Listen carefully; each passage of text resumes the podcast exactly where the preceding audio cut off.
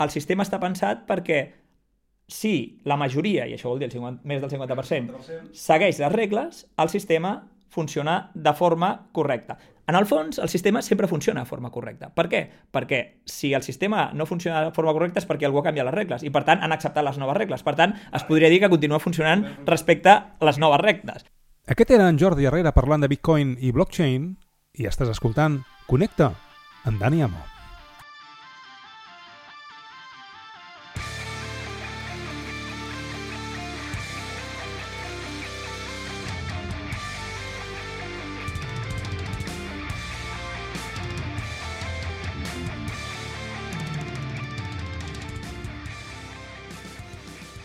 Hola, com estàs? Benvingut i benvinguda al primer episodi de Connecta amb Dani Amó. Jo sóc Dani Amó i aquest podcast doncs, neix de les meves pròpies inquietuds, dels meus propis interessos que d'alguna forma doncs, eh, ens poden interessar a tots nosaltres, a tots aquests ciutadans del segle XXI.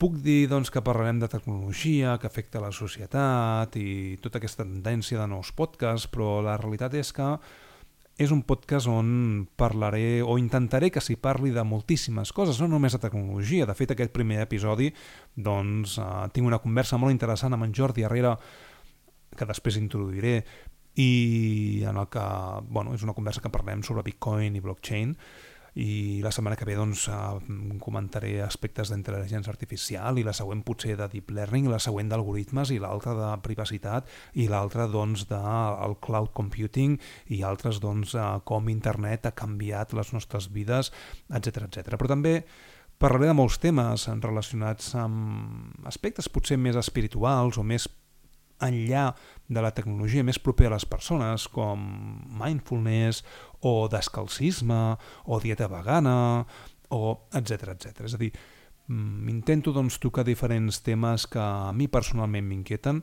i que d'alguna forma estic convençut que també ens inquieta, ens interessa a diferents persones del meu entorn o que em puguin escoltar a l'altre cantó. Aquest és un podcast que neix de les meves inquietuds, però eh, hi ha un grup de recerca anomenat Gretel que li dona suport, que està enmarcat en la Salle Campus Barcelona, Universitat Ramon Llull, on jo hi exerceixo com a docent i recercaire dins d'aquest eh, grup de recerca, on a més a més hi coordino la línia de recerca Educational Data Mining, on hi fem moltes coses interessants, on moltes d'aquestes coses també es reflexaran en aquest podcast i bé, no em vull allargar massa més en aquesta introducció.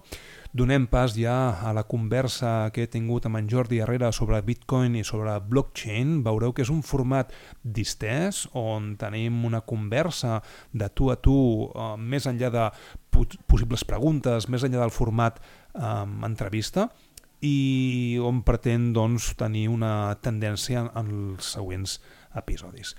Així que us deixo amb la meva conversa amb en Jordi Herrera sobre Bitcoin i blockchain.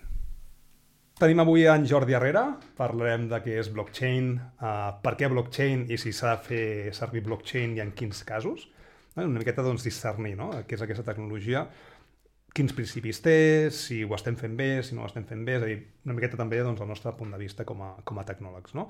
Uh, en Jordi Herrera doncs, és matemàtic, és doctor també en matemàtiques per la, per la UPC, i res, benvingut al, al podcast. Moltes gràcies. De Connecta, on jo mateix, Daniel Amo, doncs, el porto eh, i parteix doncs, del grup de recerca Gretel de la Salle, BCN, Campus BCN. Uh, Jordi, explica'ns una miqueta d'on vens, perquè al final ets, ets una persona uh, acadèmicament eclèctica, no? Bé, jo, jo, vaig, jo vaig estudiar matemàtiques a l'Autònoma. Uh, quan vaig acabar matemàtiques, l'últim any el vaig fer a Escòcia, fent un Erasmus, que aquella època tot just començaven els Erasmus, fa anys d'això, i quan vaig tornar vaig dir que a mi a la universitat ja no m'hi veurien més, que, que jo, això... L'academisme a mi no me va, no? No me va i me'n vaig cap a les empreses.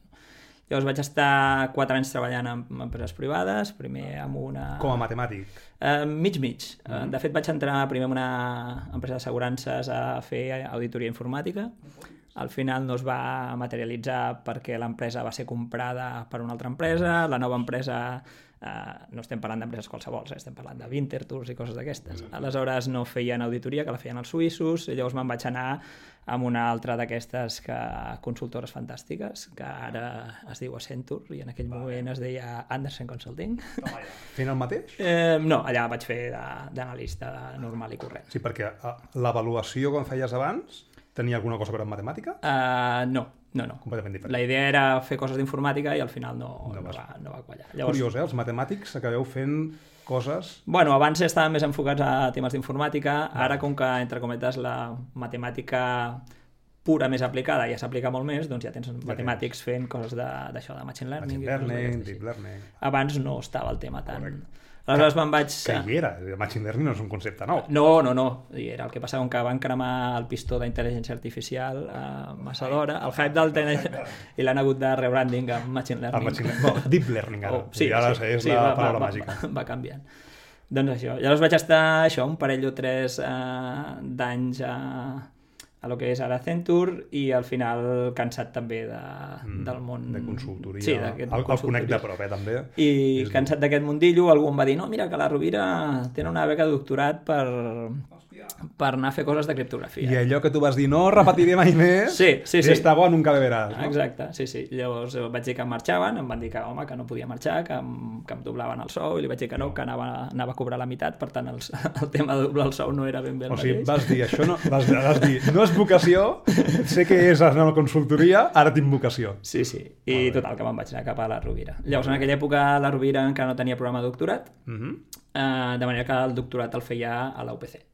Aleshores, vale, jo era estudiant de... O sigui, jo era becari de doctorat a la URB, però vale. estudiant de doctorat de la UPC. I no vas haver de fer allò que es diu el DEA, el Diploma d'Estudis Avançats? No, perquè estem parlant de... Clar, jo sóc gran. Estem ah, parlant vale. de fa molt temps, d'això. Vale, vale. Aleshores, eh, quan vaig acabar la tesi a la Rovira, o la UPC, com li vulguis dir, uh -huh. eh, eh, es va donar el cas que obrien places de, de professor a la UOC, molt bé. I aleshores me'n vaig anar a treballar... Això que estem parlant del 95, estem, 95? No, estem parlant del 2000. Vale.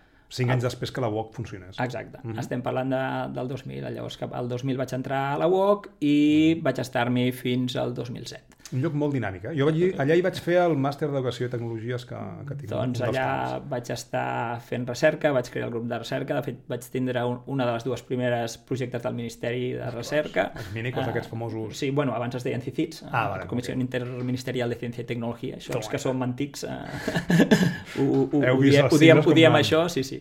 I, i això, allà vam aconseguir també un, un...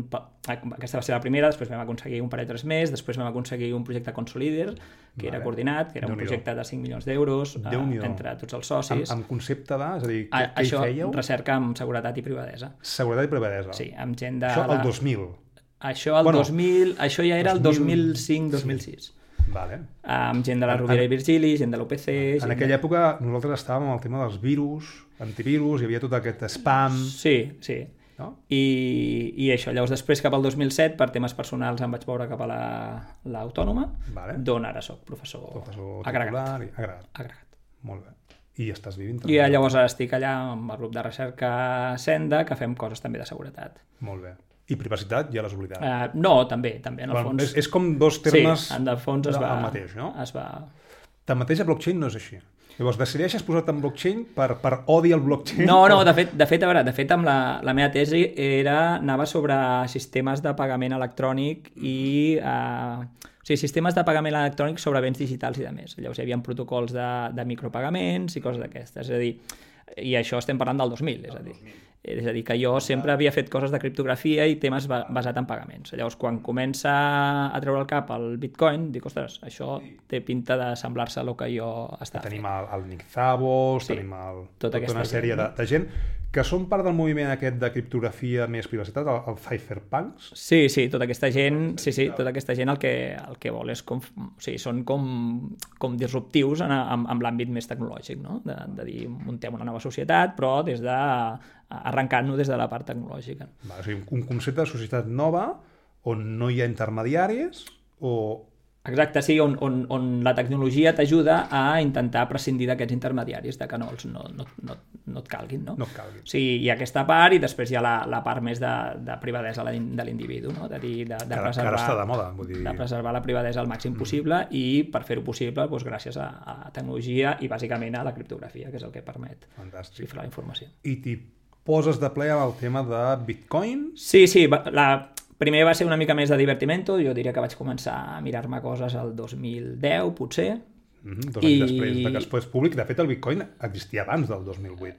No? No, de fet, el, el Bitcoin, el, el paper era el 2008 i el 2009, el gener del 2009, és quan es va, Vale. quan es va Però treure el codi. El Zabos, que em sembla que fa una moneda que es deia Gold, Sí, des, després hi ha coses, hi ha coses... De fet, en el fons és molt curiós perquè o sigui, el, tot el tema de, de sistemes de pagament d'aquest Sí. tipus l'inici- l'inicia el, el, el David Chaum Sí. amb, amb, amb un sistema que va proposar i era un sistema que era interessant eh, però que no va arribar en el moment en el que havia d'arribar. No? O sigui, Ja. era un moment en el Una qual... tecnologia que és eh, massa nova sí, per l'estat que estem. Aleshores, eh, bé, era un, era un model que era disruptiu en tant que no, no era per, per evitar les parts de confiança, és a dir, els bancs hi jugaven, hi jugaven un paper important. important, o sigui, està Per- centralitzat. Sí, uh, l'única cosa és que tenia un, un sistema de privacitat molt gran, és a dir, realment el sistema que, Vale. que, que muntaven era un sistema en el qual el banc no sabia amb què gastaves les coses. Això està molt bé. I això està molt bé, però això clarament en el seu moment Ja. no agradava gaire. De fet, ara els bancs estan eliminant caixers perquè no hi hagi moviment de diner en negre o de diner líquid i que puguin saber exactament què és el que està Sí, fent. sí, el, el model de cash- negoci el, ja el transcendit. Cashless Society és justament per intentar traçar a tothom. A tothom. eh, De, de, de, la què qual cosa tens coses. Un muntó de startups no? que estan allà agafant les dades dels bancs, eh, Finantium o no sé què, o han tret el Bizum que pots fer coses molt interessants, no? però al final es tracta d'això, no? de l'economia de les dades, doncs com hi juguem i com ho, com ho fem. No? Exacte. I clar, si tens un banc que té tot el control, doncs veu exactament en què estàs gastant. I de cop i volta et truca algú i et diu ei, uh, som una financera que potser t'interessa dir tu com és que saps aquestes coses, no? Sí, sí, és, és, és aquí. Llavors, aquests moviments ja van existir fa, fa molt temps. De fet, curiosament, va haver un congrés que es va crear eh, ara fa doncs, 25 anys, no? cap al 90, Mm-hmm. que deu ser 95 o així, no? Que és un congrés que es diu Financial Cryptography. Vale. Aleshores, aquest congrés es va crear justament al voltant de quan van aparèixer aquests temes de, del Chaum, de Mm-hmm. sistemes de pagament, perquè es pensava que és un congrés científic i es pensava que això tindria molta, Molta molta, tirada. No? i tal.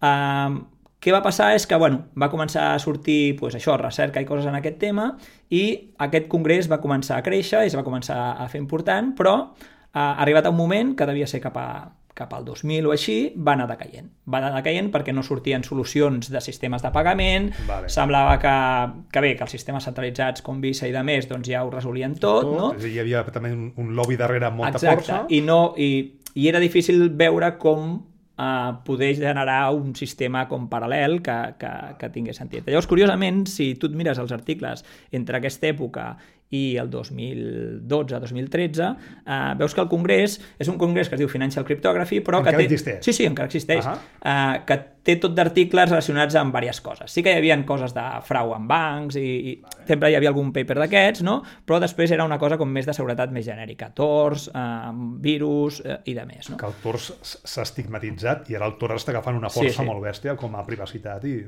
Aleshores, eh, és, és interessant veure aquesta història perquè veus una mica la història, o sigui, la història del Congrés és una mica la història de l'evolució d'aquests sistemes de, de monedes Mhm. electròniques. Llavors, cap al 2000, em sembla que va ser el 2012 o el 2013, eh, paral·lel al Congrés es va crear un workshop que es deia Bitcoin Workshop i van ser els primers workshops on van començar a aparèixer eh, papers científics de, de, de bitcoins i de Vale, més. o No? sigui, específics de Bitcoin. Sí, Que és, que és l'única moneda que hi que en havia aquell, moment, que en aquell moment és l'únic que hi havia. No? Uh, clar, has de pensar que els que primer vam començar a fer recerca amb aquests temes Mhm. érem uns il·luminats, evidentment, perquè la gent ens deia, però què feu amb això? De, de, de, que, no?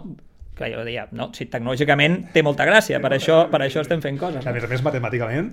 Exacte. Ara, ara potser tenim altres proves de consens que en parlarem, no?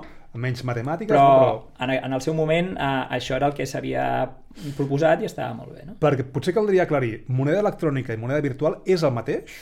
Um, Bé, aquí és molt relatiu de què defineixes i com ho defineixes, no? És a dir, eh, diria que el Termcat defineix la moneda virtual com qualsevol moneda que no estigui físicament Aleshores, per exemple, ells defineixen com moneda virtual també les monedes que tu fas servir amb jocs de rol o amb jocs d'ordinadors i de més. Val? Això és diferent d'una criptomoneda. Val? I una criptomoneda sí que la defineix més com un sistema monetari paral·lel que basa la seva seguretat en mecanismes criptogràfics i de consens. Això seria la definició de criptomoneda. Bitcoin, criptomoneda, Exacte. el Linden Dollar, que era aquesta, la moneda del, del, dels Sims, uh, del Second Life, perdona, Exacte. i que podies convertir a calés, això és la virtual. Que en tots, en tots els casos pots fer la, la, la transició, és a dir, de l'electrònic virtual al, al diner conceptual que hem sí, sí, clar, sempre, no? En, en, en el moment en què algú t'ho canvia d'una banda a l'altra pots ja fer el que vulguis. No? I aquí ja tens els intermediaris, és a dir, el propi sistema genera intermediaris Exacte. que diu que no en vol, no? Exacte. bueno, sí, a, sí, sí. ara hi anem, ara hi anem.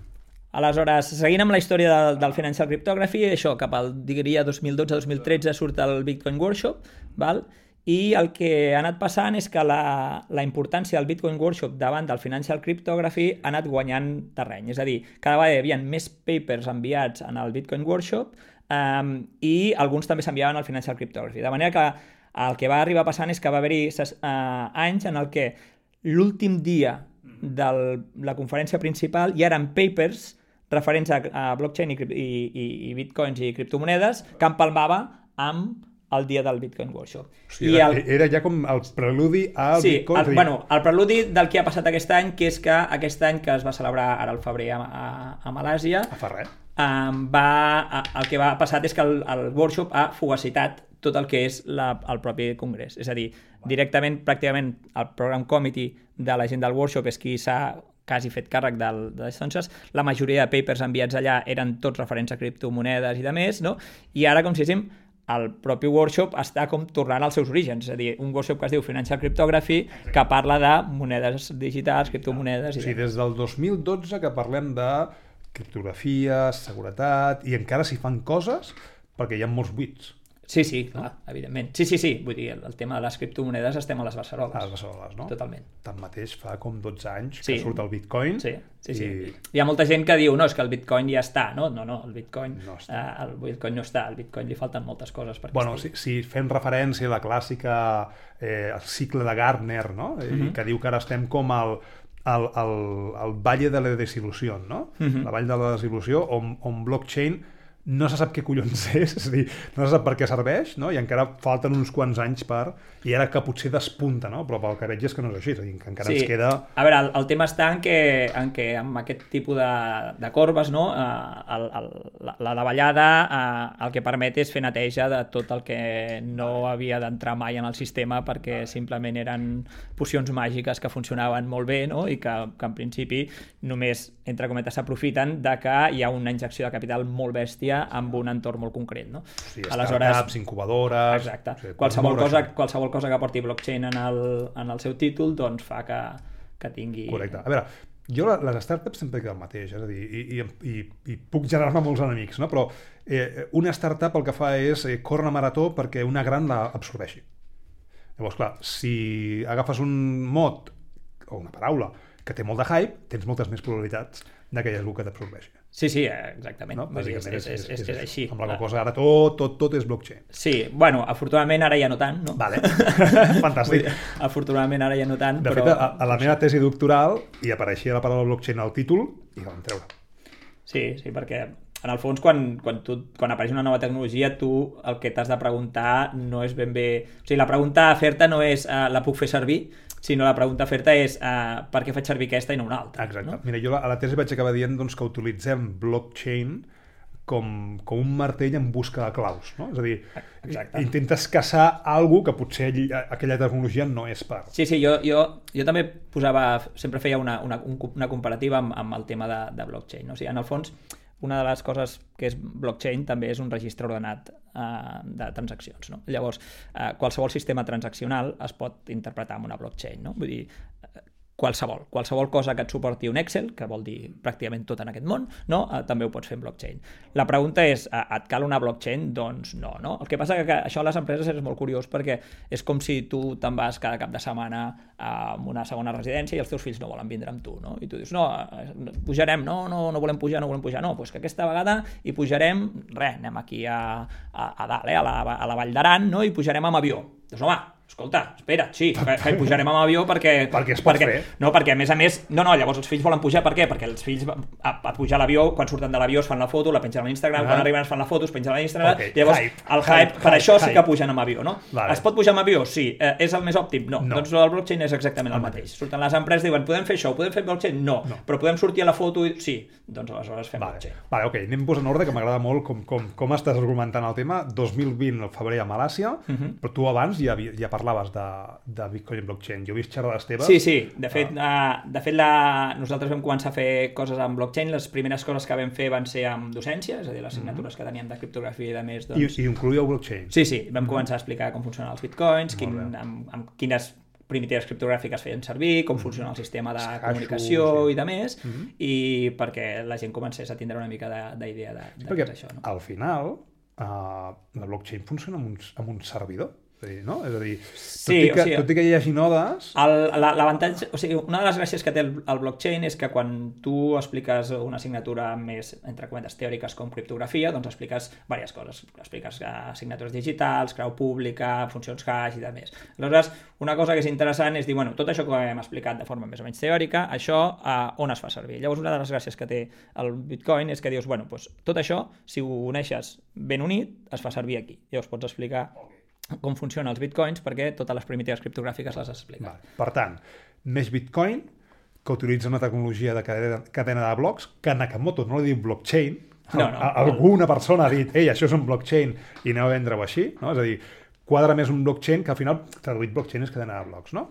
Um, quin és l'objectiu d'aquest Bitcoin o Sí, tecnologia? Aquí, aquí hi ha dues coses, no? O sigui, la, la primera és per què van desenvolupar el Bitcoin, no? I aquí sí que s'ha d'anar un altre cop als, als, cifer, als cypherpunks aquests que, que el que volien era fer una cosa totalment disruptiu, o sigui, ja, o sigui, ja el, en el primer bloc de tots de, de la cadena de, de, de bitcoins. El bloc Genesis que el bloc Genesis aquest, eh, allà hi ha un missatge eh, que, que és una, un dels titulars del Times de, de gener del 2009 dient eh, s'aprova el segon rescat bancari. No? Ok. Aleshores, a, això eh, està fet eh, intencionadament amb dos motius. El primer és fer una mena de prova de timestamp de que el titular d'aquell diari no el podien saber anteriorment aquell dia, per tant està, i el segon és dir, eh, això és el que intentem combatre, és a dir, Bitcoin des del punt de vista de disruptiu, cypherpunk i tal, el que vol és dir, no, no, nosaltres ens volem, ens volem moure fora del que, del que seria aquest eh, injecció de capital eh, directament en els estaments ja establerts. No? Eliminar bancs i donar Exacte. poder a la societat, aquesta és la Sí, idea. la idea, la idea és uh, eliminar intermediaris uh, al màxim possible. de tot tipus. Tanma, tanmateix, n'hi ha d'haver. Perquè, és- perquè no tothom coneix la tecnologia i necessita algun intermediari que Clar, el el, pugui gestionar. el tema, el tema de- d'intermediaris uh, té a veure amb el tema de la confiança, no? És a dir, uh, amb, qui conf amb qui confies? És a dir, um, el tema de la confiança és una mica complicat, no? Perquè, clar, algú et podria dir, no, no, és que en Bitcoin uh, també confies amb el que l'ordinador fa el que ha de fer, evidentment. No? Vull dir, al final veus acabes, acabes, acabes confiant en que, En la caixa negra que en al terra. tot més o menys funcioni com, com ha de funcionar. No? Com em diuen Em, que. Mm. Exacte. Aleshores, eh, és una mica amb qui poses la confiança i no tant amb qui poses la confiança, sinó amb quines possibilitats tens tu de triar amb qui poses la confiança. Va. És a dir, eh, una de les coses que, si un cas després ja comentarem, que passa amb els bitcoins, és que tu, en principi, tens el control de les claus dels teus bitcoins.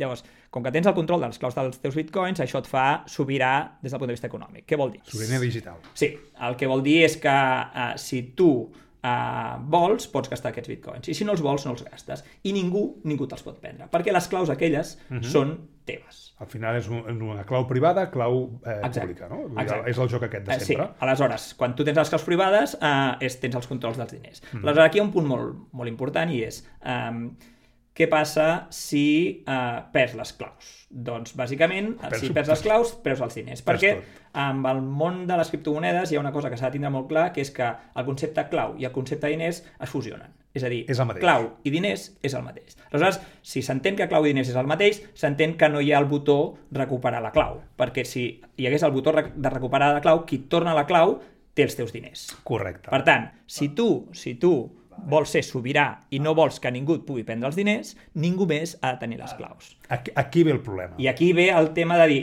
val, jo confio en mi mateix per guardar-me les claus, perquè clar, si jo perdo les claus, eh, Perdo em, tot. Em perdo tot. No? Solució intermitja. Jo, tinc, jo guardo les claus, és a dir, múltiples claus per cada transacció. Sí.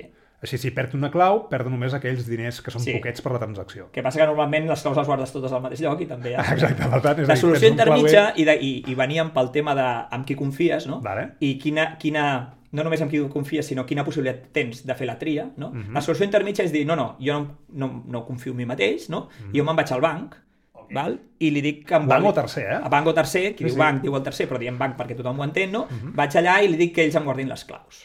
Val? Uh, perquè si jo les perdo, ells me les donaran. Llavors, això uh, és un sistema que funciona? Doncs, en, en principi hauria de funcionar. Per què?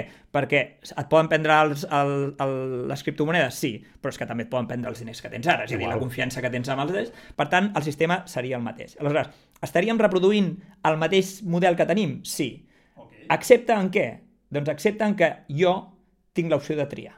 És a dir, jo puc decidir que el banc continua ten, tenint tot el poder i jo delego aquest poder en el banc, val? però si jo no vull i confio en les meves dots per guardar-me els diners, eh, jo puc fer-ho. És a dir, tinc alterna alternativa. Actualment, actualment, amb el sistema bancari actual, no tens alternativa. És, És a dir, els teus te- diners... Te'ls menges Els i... teus diners estan custodiats per algú altre i tu no els pots custodiar.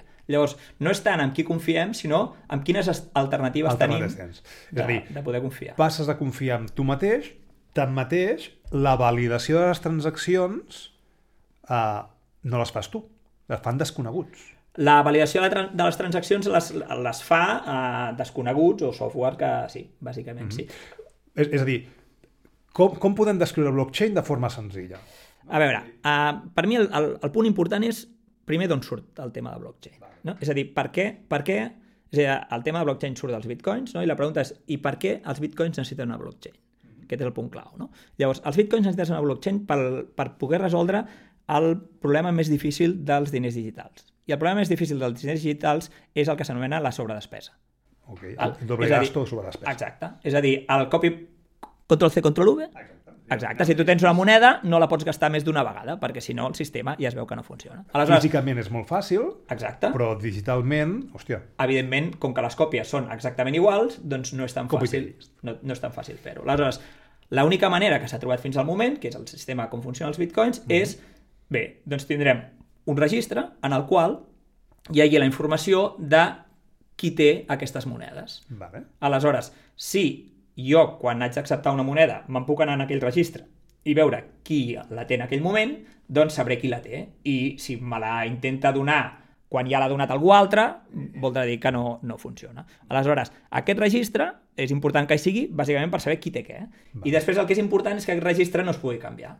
Okay. Perquè per tant, si és un tu- registre públic transparent Exacte. i, I immutable, o intenta ser immutable. Exacte, perquè el que no pot passar és que quan tu ja li has donat els diners a algú, puguis dir, ah, no, no, jo no els hi he donat. És a dir, en el moment en què tu dones els diners a algú, aquella transacció hauria de ser final i allò no es podria moure per res del món. Aleshores, la blockchain el que busca és justament això, un registre en el qual vagis afegint informació i una vegada la informació estigui afegida allà, no la puguis canviar de cap manera. Sempre i quan estiguis en una blockchain en concreta. Tu pots fer una, un fork d'aquesta blockchain, no? I Sí, anar-te encara que- encara- i muntar-te un altre mercat alternatiu. Però encara que facis això, el que podràs fer és modificar a partir d'aquell moment, A no, partir d'aquell moment. no enrere. Ok. És a dir, Mai tu, enrere. tu modificaràs el que vagis afegint, perquè dius, no, jo a partir d'ara em, em, me'n vaig cap aquí, com si diguéssim. Però Exacte. això no vol dir que puguis modificar-lo al darrere. Tanmateix, és a dir, en realitat, eh, el concepte d'immutabilitat no és 100% cert, perquè tu si tens capacitat de càlcul, tal com està muntat el blockchain eh, originari, no? És a dir, com que la capacitat de càlcul necessària per modificar una transacció dins del blockchain és tan bèstia, podem dir que és immutable. Però en el moment que tu tinguis capacitat de càlcul per modificar-la, la immutabilitat es perd. Sí, el, el tema està en que molta gent no entén que les criptomonedes funcionen des del punt de vista de seguretat per dos, dos paradigmes que, a més a més, són totalment diferents. Vale. Hi ha una part que és el paradigma de criptogràfic, de criptografia, és a dir, hi ha mecanismes criptogràfics que t'asseguren que una cosa no ho pots fer. Per exemple, quan jo tinc uns bitcoins, ningú altre pot gastar aquells bitcoins per què? Pues perquè jo tinc unes claus i la criptografia m'assegura que amb aquelles claus puc fer unes coses que els altres no poden fer. Val? Llavors, la criptografia, per exemple, assegura que tu no et pots gastar els diners dels altres i que okay. els altres no es puguin gastar els teus. Val? Però hi ha un seguit de regles, i de fet són moltíssimes, que no estan en absolut eh, lligades, a lligades a criptografia. I és que s'anomenen regles de consens. Vale. I aquestes regles de consens són el que diuen, molt bé, el sistema funcionarà així i amb aquestes regles. Aleshores, aquestes regles suposen una acceptació per part de tothom qui hi participa. un contracte social que Exacte. tots ens portarem bé seguint això. Exacte. I, um, en principi, el sistema està pensat perquè si la majoria, i això vol dir el 50, més del 50%, més del 50%, segueix les regles, el sistema funciona de forma correcta. Correcte. En el fons, el sistema sempre funciona de forma correcta. Per què? Perquè si el sistema no funciona de forma correcta és perquè algú ha canviat les regles i, per tant, han acceptat les noves regles. Per tant, es podria dir que continua funcionant respecte a les noves regles. De fet, de fet uh, hi ha una moneda, un fork del Bitcoin, no sé si es diu Bitcoin Gold, uh, va estar hackejada al mes de gener i mentre jo estava fent la tesi, van i, i, i, sí, i, aquesta ha estat, fer. ha estat hackejada diverses vegades. Diverses vegades, sí. exacte. El, el tema és que un cop tu tens les... les per exemple, no? Aquí, a quina regla de consens és claríssima uh -huh. uh, que uh, assegura una certa uh, propietat, no? Una de les regles de consens que assegura una de les propietats importants dels bitcoins, per exemple, és uh, el volum total de generació de moneda.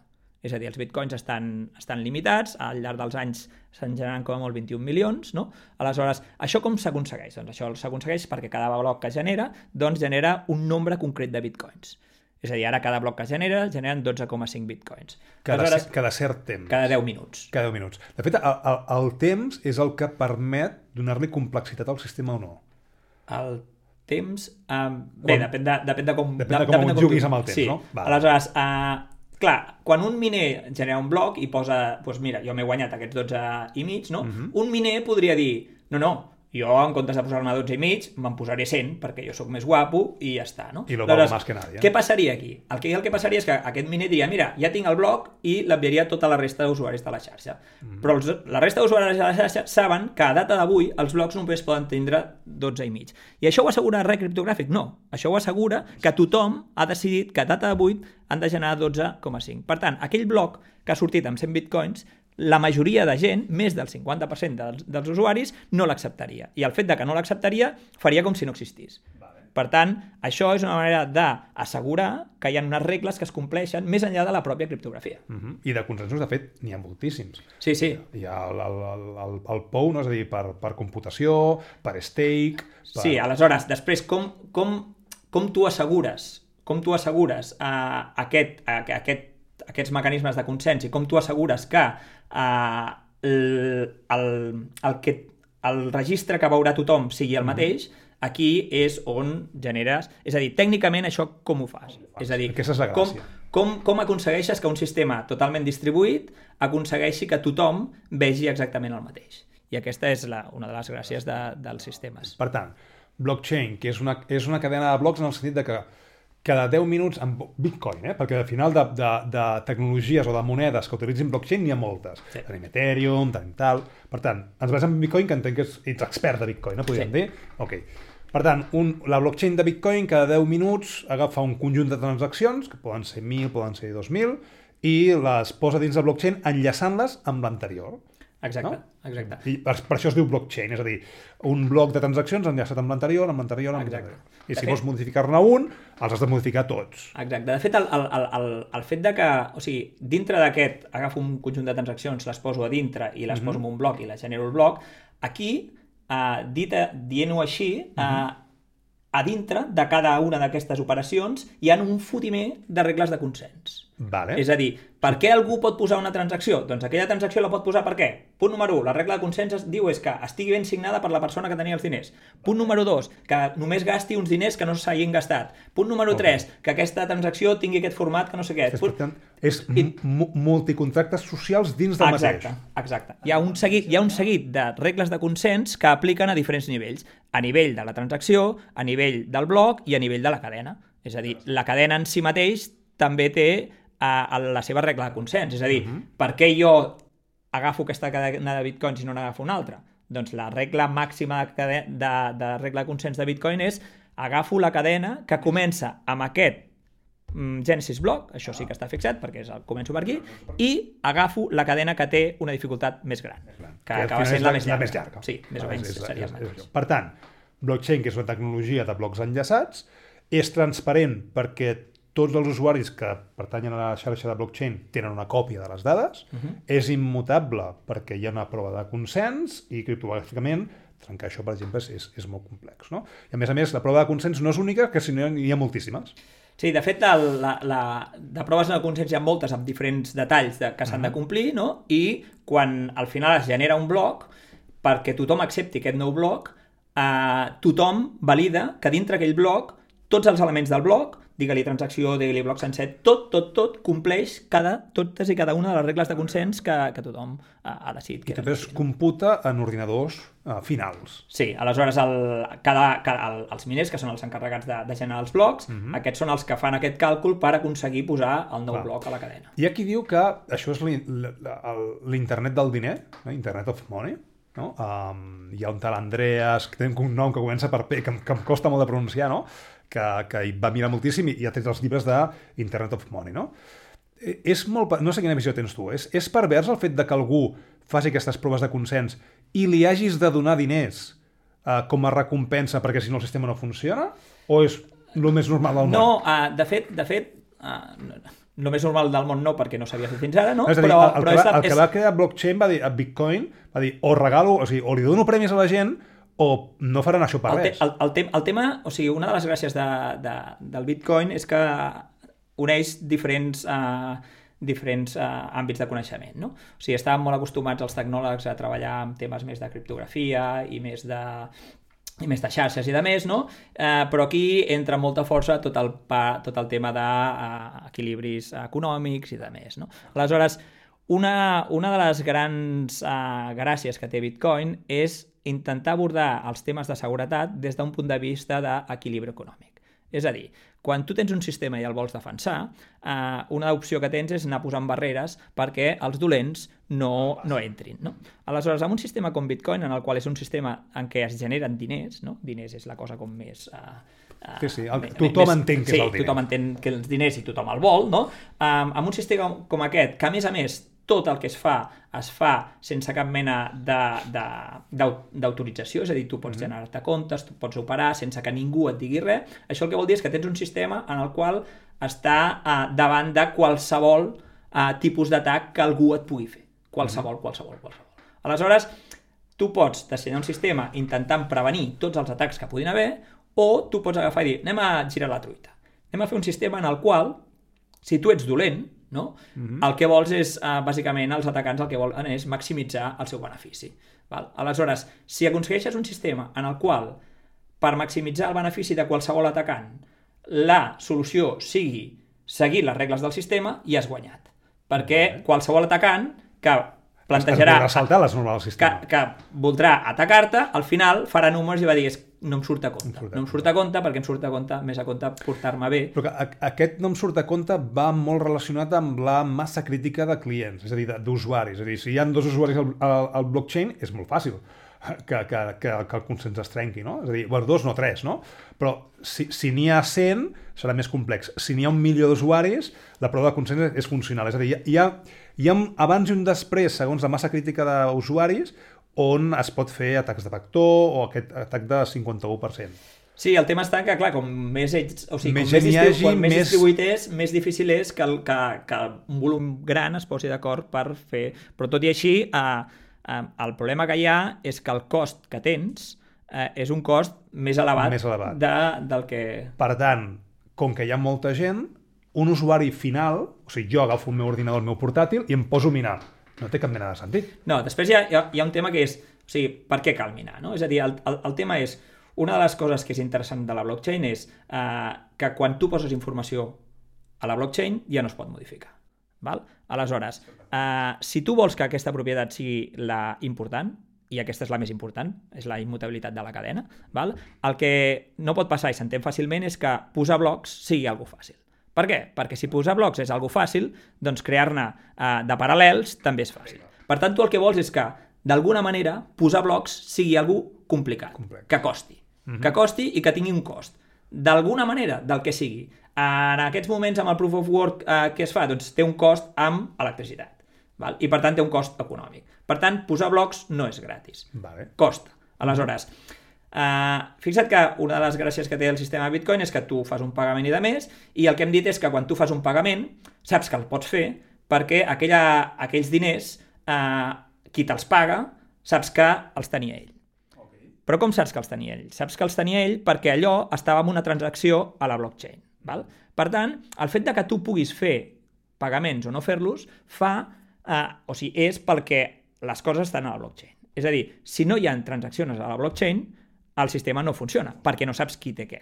Per tant, per una banda tens que els miners el que fan és crear nous blocs per posar transaccions del sistema que acaben a la blockchain. I per altra banda tens el sistema no funciona si els blocs no es posen a la blockchain. Val? Per tant, si tu el que estàs dient és necessito que el meu sistema perquè funcioni, simplement perquè, Perquè funcioni, funcioni, no? Perquè- val? perquè tot vagi sobre perquè, rodes. perquè, perquè la gent pugui fer pagaments. El que necessito és que els blocs vagin apareixent a la blockchain, per una banda. Per altra banda, dius, el meu sistema perquè funcioni, és a dir, que la gent no pugui canviar les coses. Quan poso alguna cosa, no es pugui canviar. Necessito que aquests blocs costin de posar, vale? tinc que, molt bé, molt maco, tinc els blocs costaran de posar, per tant, algú s'haurà de gastar diners, però si algú no es gasta diners, les transaccions no es posen i per tant no funciona. Per tant, la, les accions dels... O sigui, el que fan els miners posant blocs i minant blocs és bàsic perquè el sistema s'aguanti. S'aguanti. S'aguanti. Aleshores, aquí està el punt clau de dir, molt bé, i aquesta gent, això ho farà por amor a l'arte?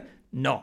No. Porque yo quiero tener opciones, no? Jo vull tenir opcions alternatives? Ah, no. Això, la gent ho fa per què? Pues perquè algú li paga alguna cosa. I llavors aquí és on ve la gràcia als bitcoins. I Mhm. què li paguen als miners? Doncs el sistema el que diu és, vale, molt bé, doncs tu per fer aquesta feina el que farem és generar uns nous bitcoins que per cada vegada que posis un bloc Mhm. et pagarem amb aquesta nova model. No és que de la transacció econòmica que jo faig, ara estem parlant d'econòmica, però podrien ser moltes, eh?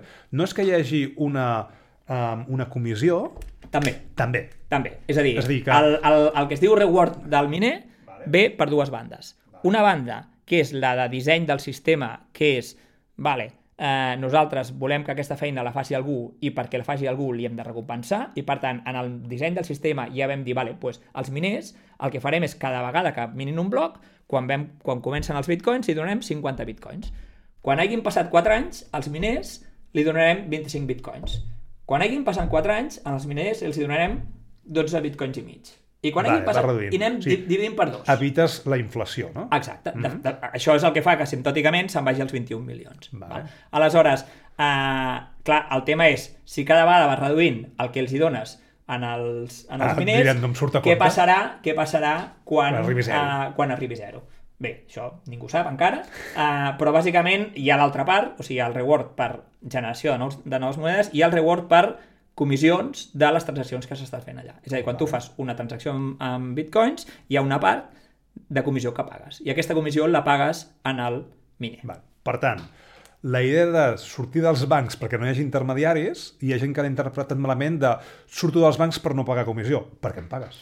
Sí, el que passa aquí, les comissions, curiosament, van d'una altra manera totalment diferent. Totalment diferent. Um, totalment diferent i totalment antiintuitiva. Mm -hmm. um, perquè el sistema és el següent, és a dir, un bloc de bitcoin per, per consens, justament per mecanisme de consens, és una cosa que no, no pots canviar perquè tothom ha, ha cregut que era així, un bloc de bitcoin uh, li pots posar un megabyte de transaccions. Val? És a dir, ocupa un mega, només un mega. I amb això pots jugar i pots fer... I aleshores, el miner pot posar fins allà les transaccions que li càpiguen amb un mega. Uh -huh. val? Aleshores, què passa? Què vol el miner? El miner el que vol és posar transaccions allà i quines vol posar? Les que li paguin més. Clar. evidentment, és un tema econòmic. Aleshores, eh, amb, quina, amb quina restricció treballa un miner? El miner no treballa amb, amb restricció ni en base a l'import de la transacció. El miner treballa en base a quan ocupa físicament la transacció en bits. Ostres. Vale? vale. Per tant, com que jo és aquesta la limitació que tinc, vale? jo et cobro la transacció amb el preu per bit d'informació. Per tant, què pot passar? El que pot passar és que depèn de com estigui feta una, una, una transacció, tu pots enviar una transacció en bitcoins que mogui 3 euros val? i pagar un euro i mig de comissions. déu nhi O una mateixa transacció que, que mogui 250 milions de dòlars paga un euro i mig de Un euro i comissió. mig de comissió. Ok. Val? Perquè és simplement com a baix nivell, a nivell de codi, allò ocupa o no ocupa. Això vol dir que un miner pot descartar uh, solucions? O sigui, el miner el que, el que fa és, si amb, amb, amb processos en els quals eh, el volum de transaccions és més gran que les que hi caben, Vale. evidentment el miner el que farà és Més pega, agafar, no? agafarà les que tinguin comissions més altes. Però les que, les que no agafa, aquestes les perd? No, o... aquestes aquestes s'esperen. Vale, o sigui, aquestes queden el que, el que passaran és que queden en cua i, aleshores, què tenen els wallets? Els wallets justament el que tenen és una opció de dir quin, quin tipus de, de comissió vols pagar. I, I el tipus de comissió va en funció de dir quant temps vols que trigui la teva transacció a aparèixer en un bloc. Que vols que aparegui molt ràpid? Doncs si vols que aparegui molt ràpid, posa una comissió alta perquè el que farà el miner és agafar-la, descartar una de les que tenien comissió baixa i posar la teva. Per què volem que aparegui una comissió abans i no després? Una transacció abans o abans... Clar, això depèn de per què tu estàs fent aquesta transacció.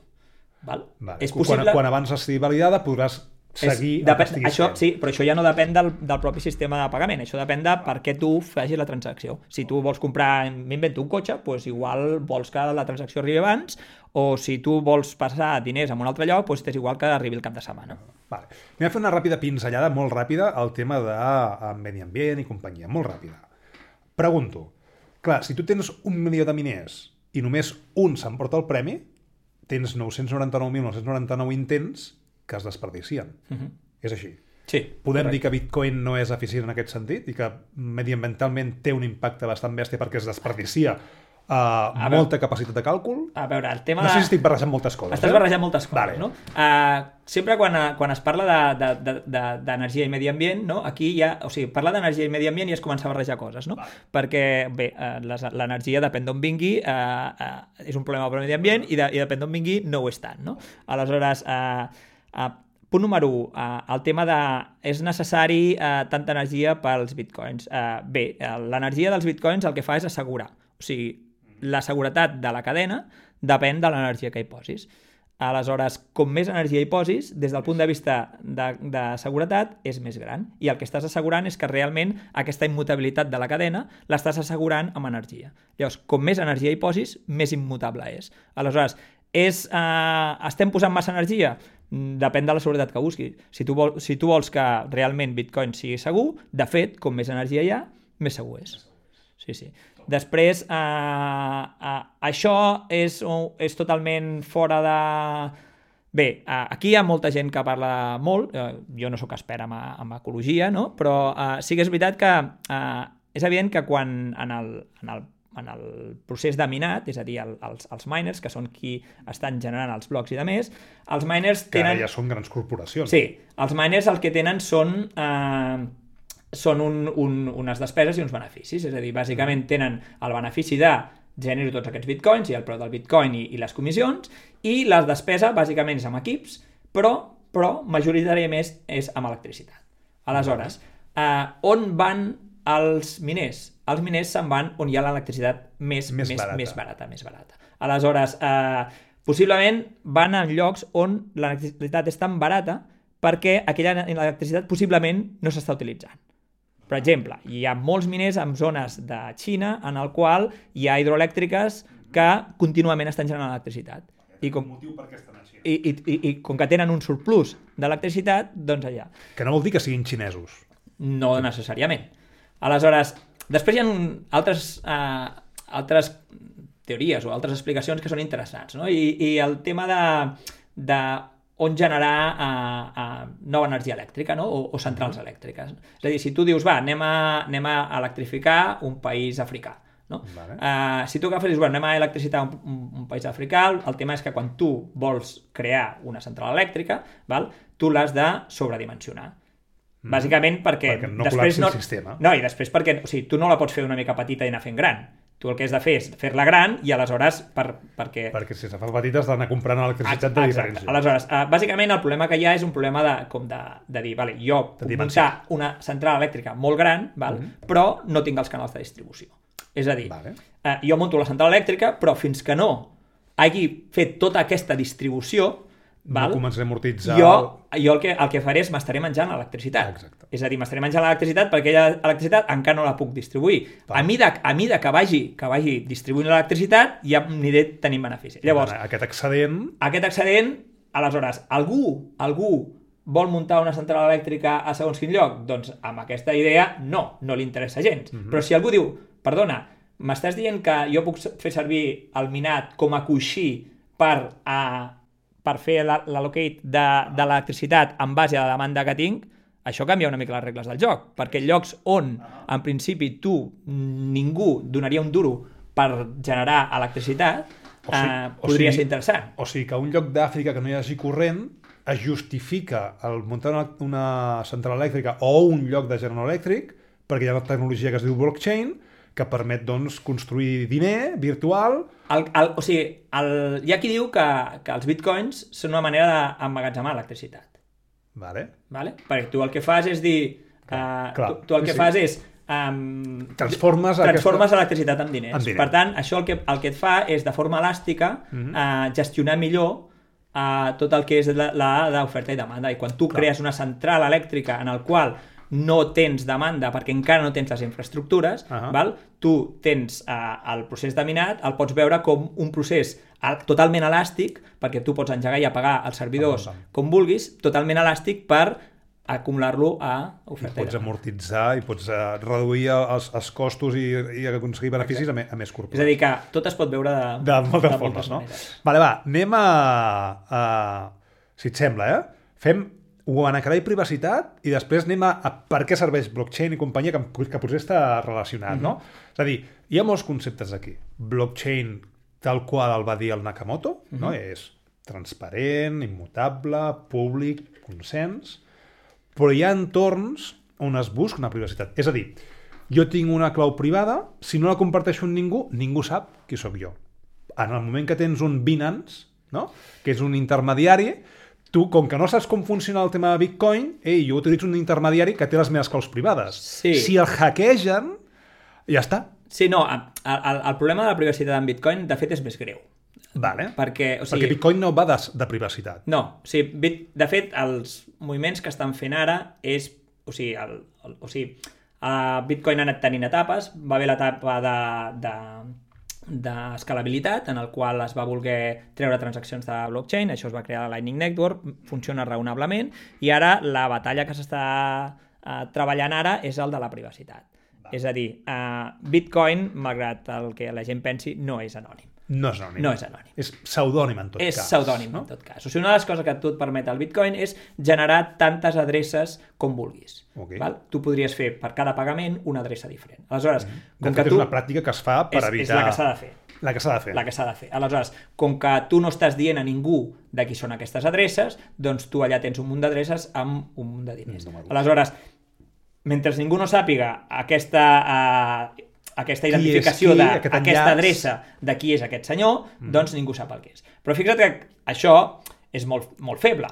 És tan feble com tu te'n vas a, a una pizzeria, no? I dius, ah, mira, aquí accepten bitcoins. Doncs vaig a pagar en bitcoin. Clar, Vale. però m'estàs dient que quan tu pagues en bitcoins, val? el pizzero sap quants diners tenies tu en el compte pel qual has fet el pagament. Vale, perquè hi ha Val. aquest, aquest eh, registre Perquè hi ha aquest públic. registre comú.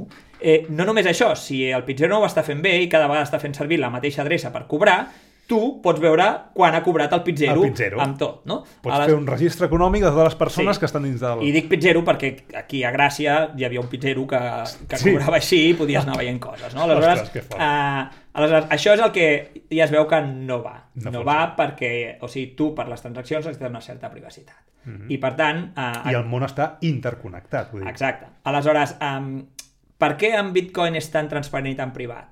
Uh, és tan transparent i tan privat perquè, tornant a les regles de consens que havíem parlat, no? Mhm. o sigui, les regles de, de consens han d'estar clares per tothom. I a més a més, i a més a més, Val. han de ser verificables per tothom. Ok. Val? El fet de que hagin d'estar clares per tothom i verificables per tothom, això vol dir que han de ser, fins a cert punt, transparents. No? Ok. Aleshores, es pot aconseguir, es pot aconseguir que, malgrat que tot sigui transparent de verificar i de més, estigui suficientment amagat perquè no es vegi? La resposta és sí, això és criptografia i Vale. proves de coneixement Sí, nul. hi ha un equilibri que pot ser. Exacte. Això és el que intenten fer a Monero, és el que intenten fer a Zcash, vale? que són monedes Ethereum no? no. Són monedes que, eh, malgrat tenen les regles de consens obertes i tal, hi ha unes operacions Mhm. val, que utilitzen uns sistemes criptogràfics molt complexos Mhm. que fan que tu puguis verificar coses sense saber, entre cometes, què estàs verificant. Per fer això ha de ser un blockchain privat? No, No. no. No té res a veure. No té res no a és un veure. hiperledger. És a dir, és a dir, en blockchain privat les coses són molt més fàcils perquè si tu simplement ho vols... Tit... O sigui, és a dir, com que les regles de consens no apliquen a tothom en general, sinó que apliquen als que s'han posat d'acord per generar aquests blocs, Que tot es coneix. que tothom es coneix, Mhm. doncs aquests mateixos són els que tenen les claus per veure la informació i validar que tot és correcte. Però llavors, blockchain no té sentit. Perquè, és a dir, blockchain el que fa és que desconeguts en un entorn de no confiança puguin posar-se d'acord i fer transaccions econòmiques. Exacte. En el moment que te'n vas a un blockchain privat que tothom es coneix, Exacte. per què vull un blockchain? Exacte. El tema, el tema és que jo crec que el, el punt clau aquí és per què serveix el blockchain, no? Vale. I el blockchain serveix bàsicament per descentralitzar processos de forma segura. Punto. Punto. Aleshores, en un entorn en el que tu tens un conjunt de gent en el qual no hi ha cap model de confiança entre aquesta gent i tu vols acabar amb un registre o amb algun sistema en el qual tothom estigui d'acord amb aquell estat del sistema en un moment concret. Vale. Aleshores, això és pel que serveix blockchain, de dir, no confiem en ningú i aconseguim entre tots que no confiem en ningú obtenir un estat en el qual tothom hi estem d'acord. Vale. Per tant, perquè se'ns entengui, quan comentem estat, al final un blockchain és un servidor de temps, d'esdeveniments. Sí, sí, sí. Bàsicament sí. I Bàsicament això es sí. pot aconseguir amb un sistema gestor de base de dades tradicional Sí, aleshores, el tema està en que eh, quan tu tens una blockchain privada, Mhm. val, eh, tot canvia dràsticament. Perquè, estàs centralitzat. exacte, o sigui, el tema és eh, que amb criptografia, amb seguretat, eh, no hi ha grisos, pràcticament. És a dir, o, O és, és- A o o és, és B. B. No? Si no hi ha una escletxa on si, puc entrar. si hi ha un entremig, és que ja estàs a B. És a dir, Vale. és, o és A, que és no confio en ningú, en absolutament ningú, amb res de res, o és bé, és tinc un mínim model de confiança. I si tinc un mínim model de confiança, ja estàs confiant en algú i per Ja tant està. hi ha solucions molt més eficients Que no que blockchain. no blockchain. Algo tan tonto com és, eh, de fet, quan va començar Bitcoin, molts es van posar molt contents perquè una de les coses que no acabava de funcionar era el tema de criptografia clau pública i bàsicament el tema de certificats digitals. El tema de revocació, d'aquí és aquest certificat, d'aquí de més. I van veure que això de, cripto, de, de Bitcoin funcionava perfectament sense certificats digitals i tothom va estar molt content. Va dir, fantàstic, perquè això dels certificats digitals, que era un cacau, doncs ens ho traiem de sobre. Mhm. Aleshores, van començar a moure la, a les coses i van dir, ah, no, però esclar, això, que, que no sapiguem qui són, no? El que, no, no pot ser que tothom ho vegi tot. No? Vale. I el que farem és que només algú pugui veure coses, no? I tal. Quan tu dius només algú podrà veure segons quines coses, Ja està. la pregunta és, molt bé, i com saps qui és qui? Exacte. Aleshores, I, quan- i, I aquí confies a això, a qui- això que pugui veure tothom. La primera cosa ja no és... La, la primera cosa i la bàsica és, en el moment en què com saps qui és qui, aquí tens un problema d'identitats. És a dir, necessites dotar d'identitats a la gent. A la gent. I això el que vol dir és saber qui és qui. I saber qui és qui vol dir que No- la gent no tingui certificats digitals. Per tant, tornes a estar amb el mateix problema. I la pregunta és, i qui emet els certificats digitals? Doncs possiblement algú centralitzat que diu tu ets tu. No? Aleshores, Un banc on volíem de fugir. aquests són els que acaben eh, tenir, se- sent el model de confiança. És a dir, si tu resulta que confies que algú digui que aquest és aquest i aquest podrà fer unes coses especials, doncs possiblement ja saps que aquest... I si només hi ha un, no tens opció per decidir qui vols que sigui aquest un i tornes al mateix punt de, de, de sortida. Sí que és veritat que hi ha blockchains que no són tan exageradament centralitzades, no? I que aquest poder de generar blocs doncs el generen uh, de forma consensuada entre unes quantes. Sí, per exemple, tenim un universitari, hi ha 3-4 universitats on tenen... Sí que, és, sí que és veritat que hi ha models en, el, en els quals sí, tu tens un conjunt d'entitats en els quals no hi ha una certa confiança, tu el que pots dir és dir, bueno, doncs el que farem és uh, generar blocs i que els blocs es generin de forma distribuïda entre tots aquests que, uh mhm. -huh. que, que hi ha aquí. Vale. Llavors, per què les empreses uh, volen blockchain? És a dir, van a consultors, segurament a tu t'han vingut, escolta'm, volem muntar una blockchain.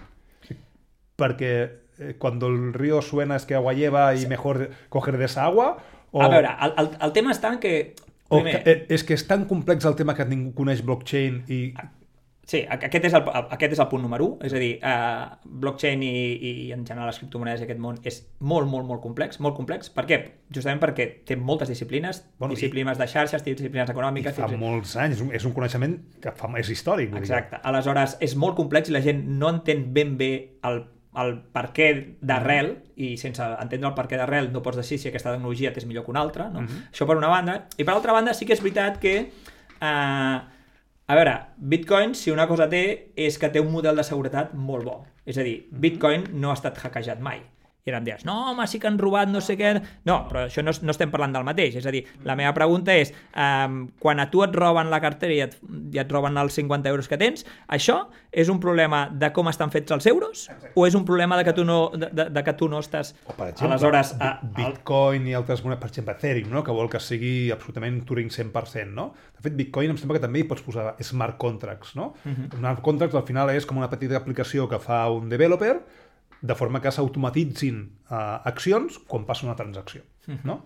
Clar, si això està mal programat, tens un problema. Sí, sí, sí. No? És, és el fantàstic problema DAO que, que va sortir. Sí, o sigui, el, el, el que vol fer Ethereum és com extendre no? això, la potencialitat dels bitcoins amb... Amb, amb automatismes. Amb, sí, el problema que té això és que o sigui, la seguretat és molt complicada, aleshores per intentar el que s'anomena reduir els vectors d'atac, tu el que fas és simplificar els sistemes al màxim. Al màxim. Aleshores, Bitcoin més senzill, més és un sistema molt més simple uh mhm. -huh. i per tant menys flexible que Ethereum, però és un sistema molt més segur vale. que no Ethereum. Uh mhm. -huh. Aleshores, bueno, simplement, sim, simplement perquè el Bitcoin està pensat per unes coses concretes, que pot anar evolucionant, però evoluciona de forma molt, molt lenta, perquè la seguretat es mira molt, no? Uh mhm. -huh. I Ethereum és un sistema que ja va néixer molt obert i que, clar, al néixer tan obert, doncs, clar... Uh... De fet, uh, Ethereum està a punt de treure la versió, si no l'ha tret ja, eh?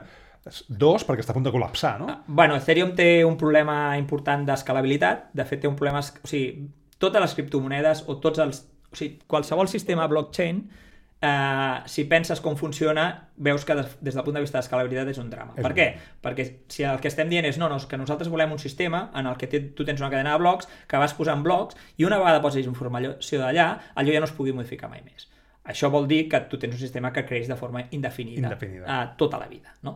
Aleshores, uh, I hi ha còpia d'aquesta dada, d'aquesta informació indefinida a tot arreu. Clar, aleshores el tema és, uh, com no vigilis com ho fas, uh, això et pot portar molts problemes. Aleshores, uh -huh. um, Bitcoin, per exemple, uh, utilitza un model uh, que en comptes de ser el model convencional del banc, és a dir, tu un bitcoin, en comptes de dir aquest compte té 50 bitcoins, quan faig una transacció de 3 ni resto a 3 i em queda 47, el Bitcoin no funciona així. Funciona d'una altra manera, en el qual cada transacció és com independent de l'altra.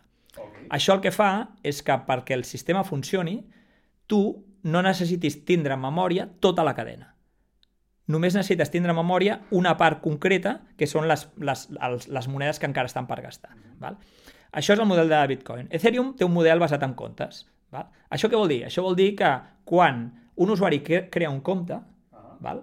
Encara que no el torni a fer servir mai, mai, mai més, aquell compte ha de continuar a estar monitoritzat pel sistema per veure que tot quadra. Toma ja. Val? Perquè en algun moment, en algun moment eh, algú pot enviar un, una transacció allà i tu has de saber sí. quina és la que tocava. Val? Aleshores, Ethereum té problemes d'escalabilitat bastant més grans uh, que, no, que no Bitcoin. No? Per tant, ens trobem amb problemes d'escalabilitat, de, uh, però també d'eficiència. Bitcoin és una base de dades molt lenta. Uh, O sigui, cada 10 minuts... Bitcoin és una, és una, una base de dades lenta de perquè només, aquests, es- de només escriptura sí, i... perquè aquests 10 minuts uh, tenen en compte uh, molts uh, condicionants de seguretat. És a dir, el fet de que tu tinguis aquests 10 minuts fa que, Que el els atacs... Sí, que sigui més segur. És a dir, uh, sí que és veritat que els 10 minuts potser són masses, Vale. val? Uh, i que des del punt de vista tècnic uh, podrien ser menys, no? Mhm. però com que és un d'aquests valors de consens, Clar. doncs allà està.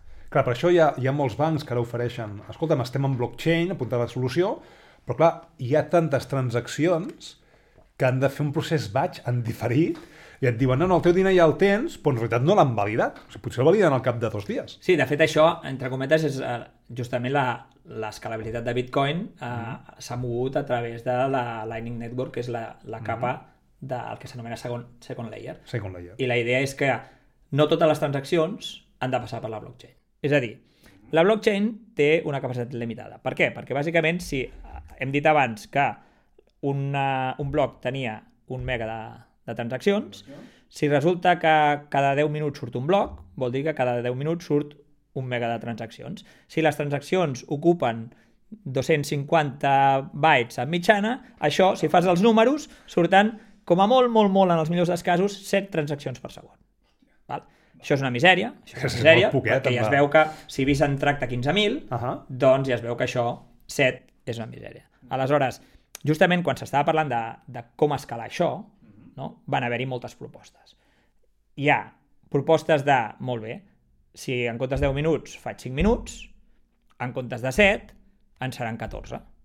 No? Vale. Molt bé. Arreglem alguna cosa? No. Estem en el mateix ordre de magnitud. Correcte. Si en comptes de blocs d'un mega fem de 2 megas, en comptes de 7 seran 14. Arreglem alguna cosa? No, perquè l'espai dels Primer, usuaris que creixerà. l'espai el creixerà i després només estàs, estàs en el mateix ordre de magnitud. Exacte. Solució, solució, agafa transaccions i Mhm. treu-les de la blockchain. És a dir, aconsegueix que els usuaris puguin fer-se transaccions i que no totes hagin de passar per la blockchain. I això és el que és la Lightning Network. O sigui, la Lightning Network és un conjunt de canals de pagament als quals, per obrir-los, tu i jo fem una transacció i aquesta sí que la posem a la blockchain. I en aquesta transacció el que diu és tu en aquest canal hi tindràs uns diners i jo en aquest canal hi tindré tants diners. I tu tindràs un balanç i jo tindré un balanç. Vale. I això és una única transacció. I a partir d'aquí, tu i jo podem transaccionar Fora de la blockchain. fora de la blockchain tantes vegades com ens doni la gana. Ens podem passar totes les transaccions que vulguem sense, sense que passin per la blockchain. Vale, és, és punt a punt perquè ens matarem un registre... Perquè nosaltres tenim, el que deies tu abans del banc, doncs Mhm. nosaltres tenim uns sistemes de, de, de, de, de control, de dir, vale, doncs ara te'n dec jo, ara te'n dec tu, i el dia que decidim, vale, ja hem acabat, fem una altra transacció a la blockchain dient, vale, doncs d'això que havíem començat, doncs ara tants per tu, ha- ha- han quedat, a data d'avui, queden tants per tu i tants per mi. Aleshores, això és el Layer 2 i és la Lightning Network. Llavors, Només, això, es, només està Bitcoin o... això també s'està intentant fer amb altres monedes. És a dir, Vale. treure transaccions fora... Fora de blockchain. De blockchain. O sigui, on, on, on blockchain, off, block, Exacte. off chain. La, la, la, la, el discurs fàcil és dir, eh, realment creus que tot el món necessita eh, saber que tu has, tu has comprat el cafè allà? I no només això, sí, sinó que tot el món ha de guardar aquesta transacció tota la vida? Tota la vida és doncs absurd. possiblement que no. Això implica també una miqueta de privacitat, no? Un Sí, de fet, de fet, aquestes transaccions, al no passar per la blockchain, no es veuen. Són punt a punt, és a dir, els dos ho sabem, si no Sí. compartim, esto se queda aquí. Una de, les, una de les gràcies que té el sistema és que, a més a més, el sistema està dissenyat perquè, clar, això el que fa és que això té sentit amb una relació molt directa. És a Vale. dir, si tu i jo interaccionem de forma molt sovint, Val- té val la sentit. pena. Si no, no, perquè si jo només et faig un pagament i per fer un pagament haig de fer una transacció d'obrir i una de tancar i tal, i estem perdent, No no? Aleshores, el tema és, no, estem fent un seguit de pagaments. La gràcia està en que, bueno, potser aquest model no existeix gaire, però, però eh, la Lightning Network el que permet és el que s'anomenen pagaments multihop. És a dir, si jo tinc un canal amb tu i tu tens un canal amb algú altre i l'altre Sí. té un canal amb algú altre, Vale. vale? jo el que puc fer és pagar el de més cap allà val? i jo el que faig en el fons és pagar de tu. I tu, com que tens un canal amb l'altre, pagues amb l'altre. I al final, jo, només tenint el canal amb tu, Amb tu no el veig faig- el final. no, però jo puc pagar al final. Vale. És a dir, no necessito tindre una relació estable amb algú de l'altra punta, val? perquè la I, tinc això, amb... I això pot ser fora de blockchain? Tot, no tot és fora. Tot és tot fora. això és fora del blockchain. Perquè al, al final és peer-to-peer i vas com saltant. Pam, pam, Exacte. pam, pam. Exacte. I això és cap on es volen moure totes Mhm. les transaccions de, que no, eh, transaccions d'un valor relativament baix Per, i que per estiguin tant, fora. El blockchain serveix com un um, com un sistema de, de validació de, de contactes, no? com una agenda de contactes al final, no? perquè és a dir, estos dos es, es coneixen i han fet alguna cosa. El, el blockchain el que, el que serveix és, és, és per, per un sistema de, eh, no em surt en català, de settlement, no? És a dir, de, de dir, vale, a partir d'ara tenim, tu tens això, jo tinc això, no? I això és el que queda registrat a la blockchain. Ei, usuaris de blockchain, que sapigueu que estem fent coses. I hem fet això primer. No, de fet, no cal ni això, és a dir, Mhm. la, la, per mi, una de les gràcies que té és que tot això que et comentava de tu i jo tenim un canal i tot això, Sí. la gràcia de tot això és que, a més a més, totes aquestes transaccions que fas, malgrat, malgrat no passar per la blockchain, estan assegurades amb mecanismes criptogràfics que permeten que tu no em timis. Vale. Vale? I que jo, encara que pagui a l'altra punta i faci no sé quants salts, això no pugui timar, perquè si algú m'intenta timar, jo tinc mecanismes per prevenir-ho. Ok. Per tant, això que els... Uh, perdona que entri un altre pinzellà d'economia, eh? Això els que estan molt relacionats amb els bancs, que deien, no, és que blockchain uh, és tecnologia pels defraudadors, uh, pels lladres... Què hi ha de cert en això?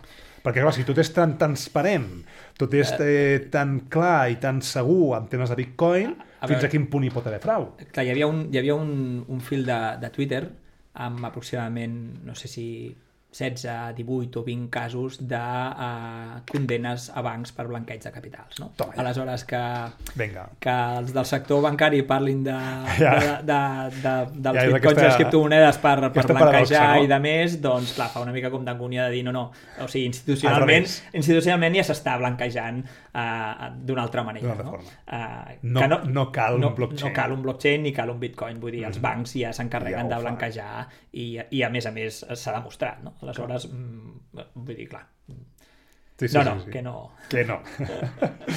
vale, escolta'm, um, i potser jo penso que, que, que estava bastant clar, és a dir, blockchain, per què serveix, per què no serveix, és a dir, quan et ve algú que et diu, escolta'm, uh, anem a fer blockchain, és, és normal que li plantegis, no? I, i, i que moltes empreses acaben dient, vale, doncs potser no faig blockchain, no? Perquè al final, les transaccions poden ser només econòmiques o poden ser altres tipus de, de transaccions? No, poden ser, poden ser altre tipus de transaccions. No? Sempre es mouen diners? No, no necessàriament tampoc. És a dir, uh -huh. una de les coses que aconsegueix eh, les criptomonedes d'alguna manera, o, o en general la tecnologia blockchain, si vols, oberta, és que o sigui, tu el que aconsegueixes és el fet de tenir un registre únic que no controla ningú, val? el que aconsegueixes és d'alguna manera traspassar el concepte d'escassetat uh -huh. en el món digital. Vale. És a dir, uh, per què traspassar el concepte d'escassetat? Perquè tu, com que no pots fer el copy-paste, vale?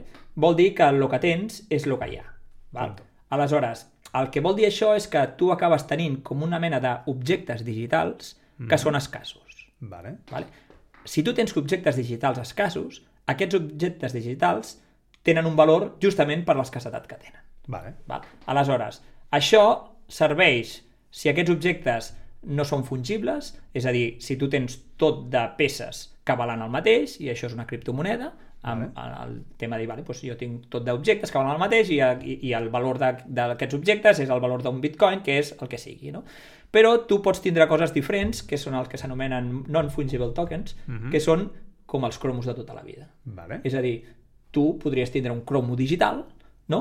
Uh, I aquest cromo digital el que fa és que és una, com un document digital que està a la blockchain i diu que tu ets el propietari. Mm. Val? Aleshores, Certi- Certifica. certifica que tu ets el propietari. Llavors, en tant que això té una certa escassetat, això pot arribar a tindre un cert valor. I tu pots transaccionar amb aquest.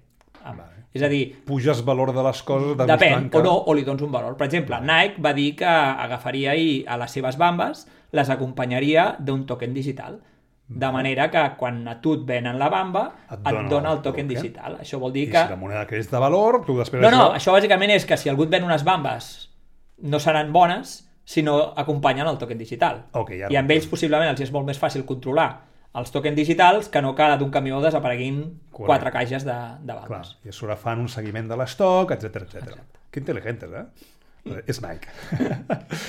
uh, Jordi, què et sembla si acabem uh, exposant el dilema del WannaCry?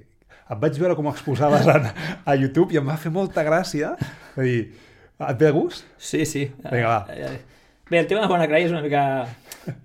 Què és, bona, què és WannaCry al final? No? Uh, WannaCry va ser un, un, un virus, bueno, un virus d'aquests informàtics, és el que s'anomena un ransomware. Sí. Un ransomware és, és un virus informàtic que el que fa és agafa i et xifra tota la informació del teu, del teu disc dur uh -huh. i et demana un, una recompensa a canvi de desxifrar-te la informació. Aquí el nom, no? O sigui, vull plorar perquè m'acaben de fotre l'ordinador en l'aire i haig de pagar. Exacte, no? Aleshores, el, el sistema en qüestió, el, normalment és això, és el, et xifra tota la informació, ells tenen les claus i si tu no pagues alguna cosa, ells no t'ho paguen. Aleshores, Uh, és evident que rebre diners a, a través d'un compte corrent i de més doncs ja es veu que és complicat, llavors normalment els, els, els ransomware s'estan movent cap al món de les criptomonedes, Vale. és a dir, uh, hi ha gent que, pues això, no? que per et xifra la, la informació i et diu perquè te la desxifri m'has de pagar Tants bitcoins. tants bitcoins o tants uh, moneros Cada o pasta, els bitcoins. Sí. Aleshores, um, bueno, després, després també explicaré algun, Vinga, una, una, una cosa divertida sobre, sobre el... Um, total, què va passar amb el WannaCry?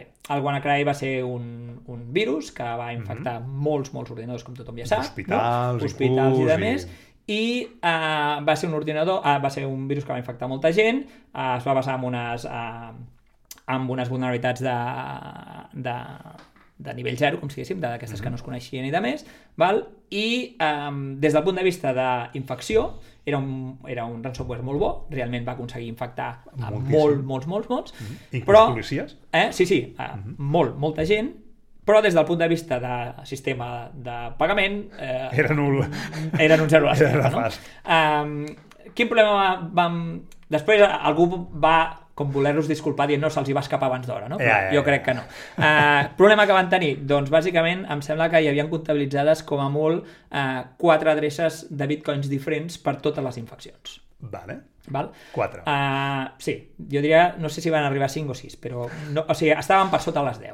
Ok. Aleshores, què passa? El que passa és que uh, quan tu tens aquestes adreces, tu te'n vas al blockchain i pots veure si realment aquestes adreces estan, es- estan sí, rebent diners. estan rebent diners.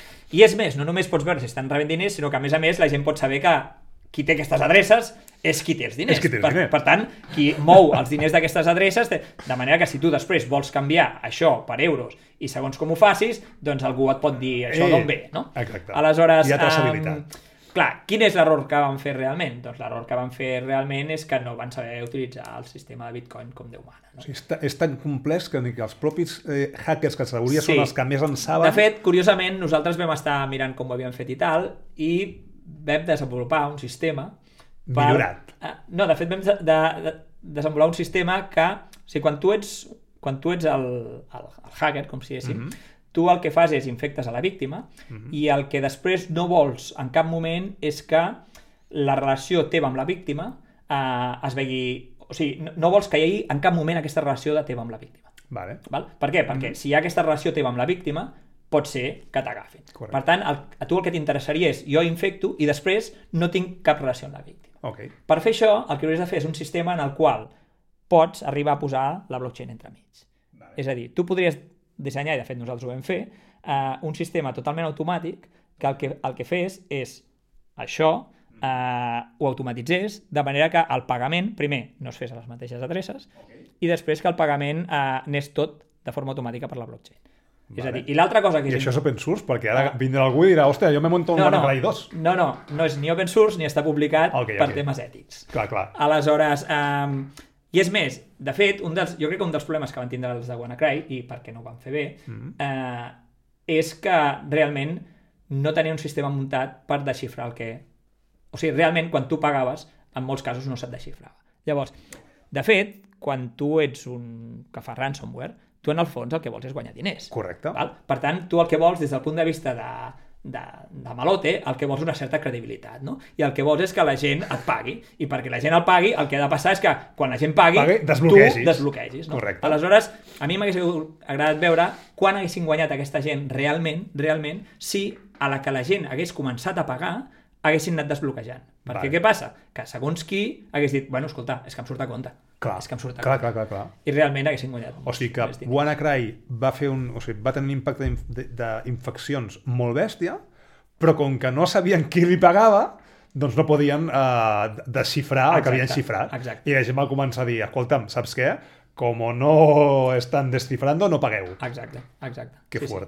Aleshores, de fet, hi, havia, hi ha casos curiosos, hi ha casos, cas d'una empresa en el qual eh, li van bloquejar tot, Mhm. val? i van dir, bé, doncs no, no, no hi ha més. Eh, van comprar bitcoins per poder fer els pagaments, aleshores, bueno, van semblar que van trobar unes còpies de seguretat, no sé què, van contractar amb una gent que els, perquè van dir, ui, no pagueu perquè no sé què, no sé quantos, i tot això, i bueno, van, van aconseguir recuperar tot això, i al cap d'un temps es van adonar que els bitcoins que havien comprat havien multiplicat per no sé quan el seu Hòstia! preu. No?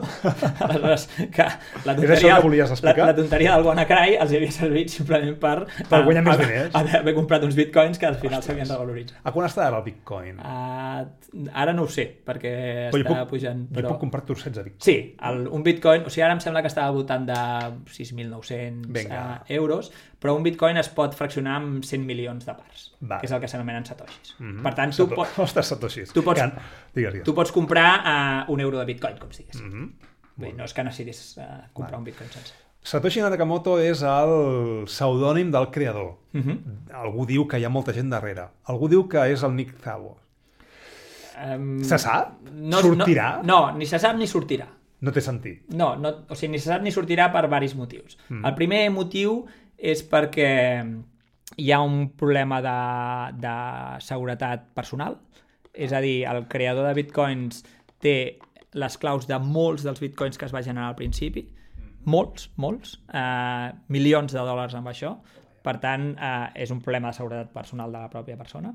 Després hi ha un problema de, de seguretat legal, és a dir, eh, no està clar que si sortís la persona que fos no el fumés a la garjo als Estats Units perquè tu no pots crear una moneda així de cop, per tant... No pots. Eh, O sigui, hi, no. hi, hi ha d'haver l'estat federal Sí, central sí, hi ha, bancari... hi ha temes legals bastant... Ok. O sigui, que si trobessin, el, si trobessin el que el va fer i digués jo el vaig fer, potser podria tindre problemes. problemes, no?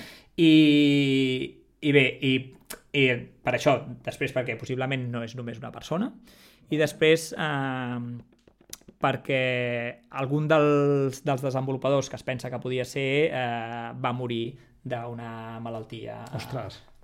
que estava... Ha quedat orfe, per tant. Sí, sí. Per tant, No ho sabem mai. no ho sabrem mai i això forma part de, no que hi hagi- del, de, de- la, de- de- de- de- de del la misteri, història, no? sí, del, de la història de misteri. Ah, no de... sé que hi hagi un il·luminat que digui no, sóc jo, el típica... No, a la tumba no n'hi ha, ha, digo- n'hi ha un il·luminat que es diu Craig, que va sortint de tant en Sí, tant a les notícies. A, a, aquest va dient que és ell sovint, no? Um, Però encara no se l'han carregat, eh? no, bueno, però aquí... No, Ah, perquè no té credibilitat. no, per, no, perquè... O sigui, aquí és molt fàcil. O sigui, l'avantatge d'això és que és molt fàcil, perquè dius, ets tu, no, només cal que facis una signatura digital amb les claus que tenen els bitcoins del principi. Ja I s'ha acabat. I és fàcil de demostrar.